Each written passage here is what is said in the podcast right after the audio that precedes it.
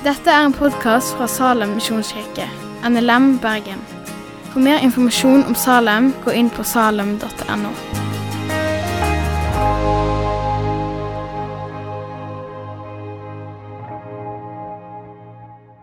Har du noen gang reist med et ekspresstog som suser forbi stasjoner i en enorm fart? Fordi det har et større mål. Når du sitter på toget, så kan du se landskapet greit i horisonten. Men detaljene helt nær togskinnene er det vanskelig å se på uten å bli svimmel. Men når du nærmer deg målet, så vil du oppleve at toget senker farten. Og Du kan studere detaljene langs sida bedre. Og det går stadig saktere og saktere helt til endestasjonen.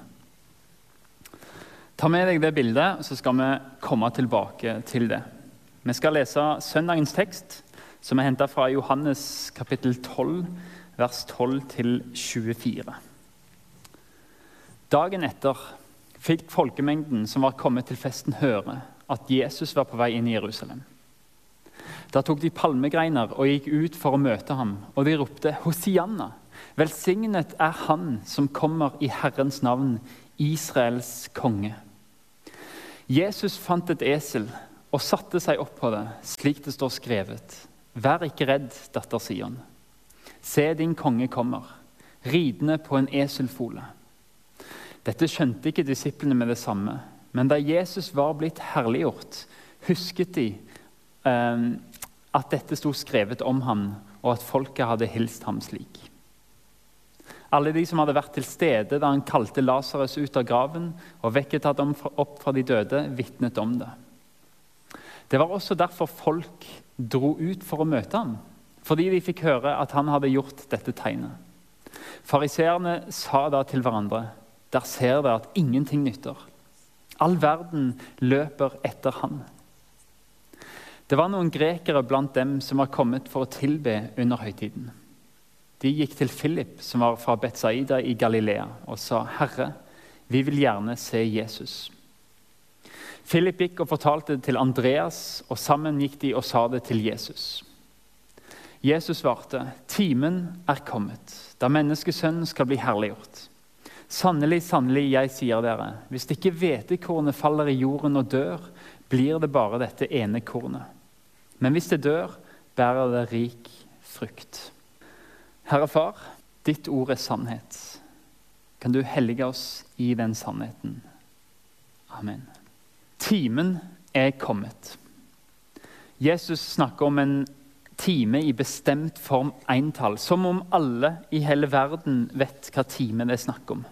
Jesus bruker dette begrepet ved flere anledninger, og underlagt ligger det en forståelse av, eller en grunn for, at Jesus kom til jord.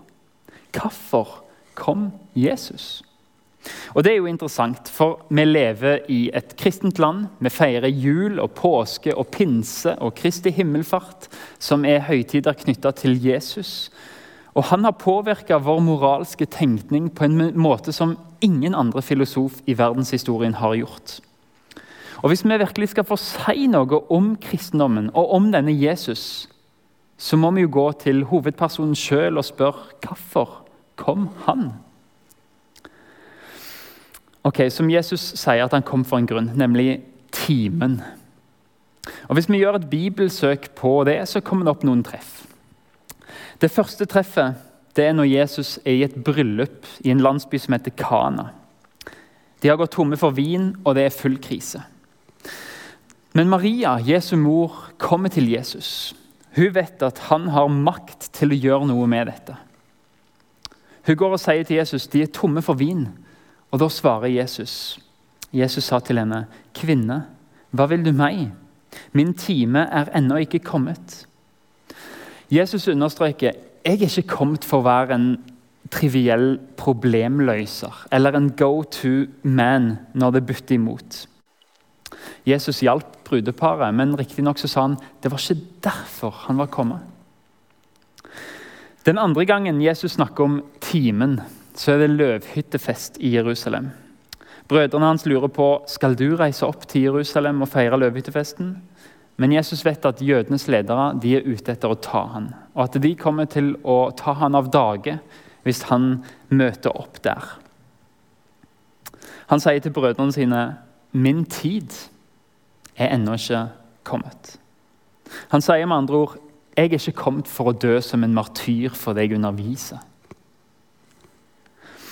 Likevel så velger Jesus senere på et tidspunkt å stå fram og forkynne under løvhyttefesten.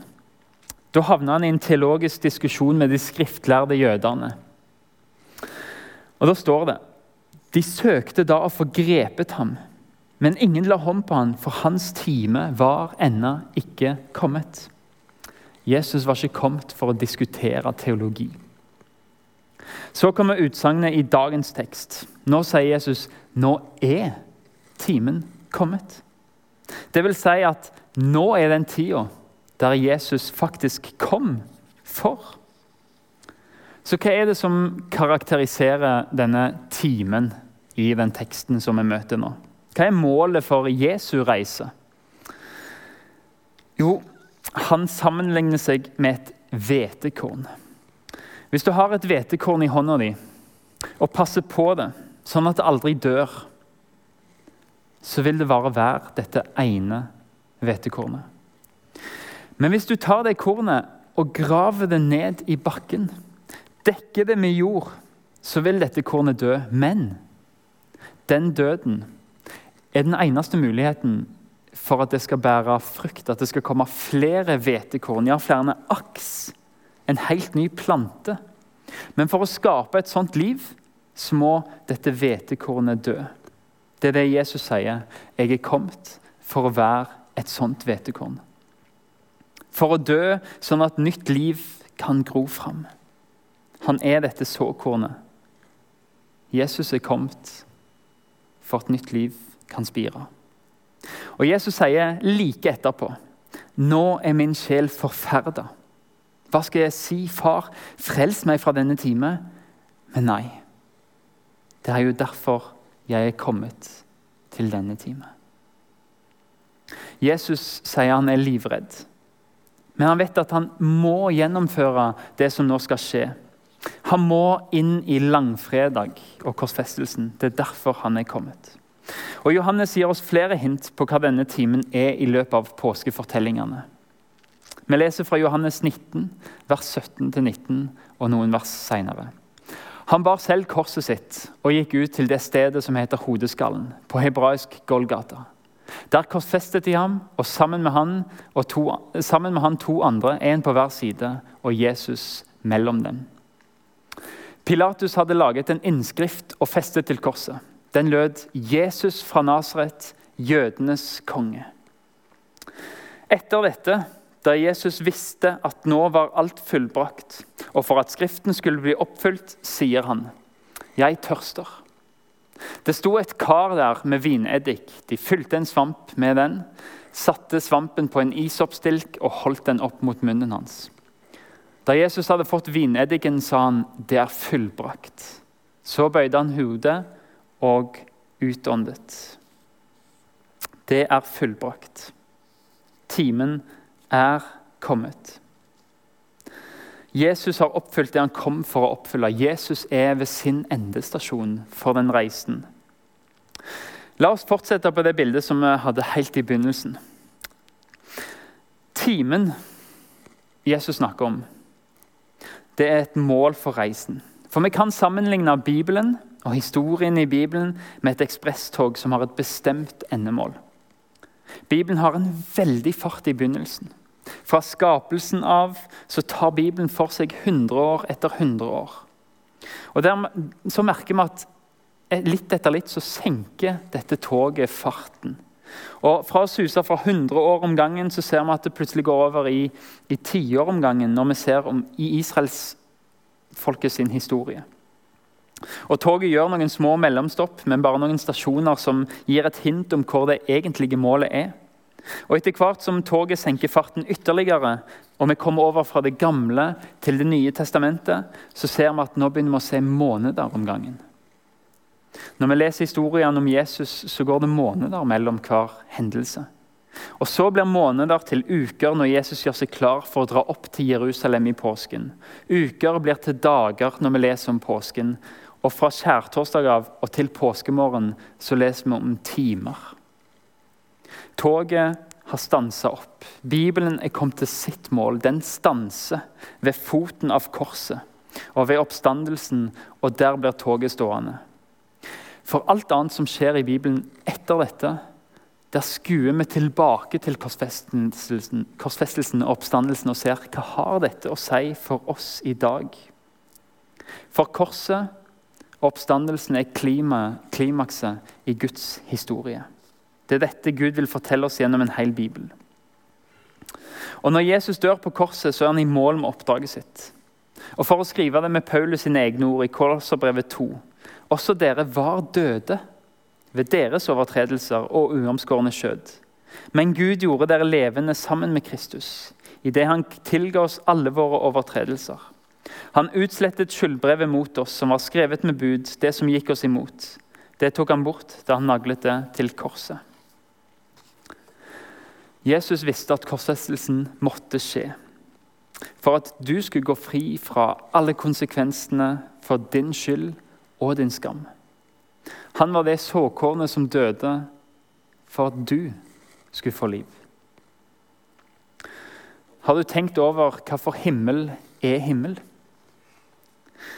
Det er fordi det er et rettferdig sted der det er bare godhet. Alt som skjer der, er bra, men, men tenk over dette. For at Gud skal kunne skape en rettferdig himmel, så må Gud utelukke det urettferdige og utelukke synd.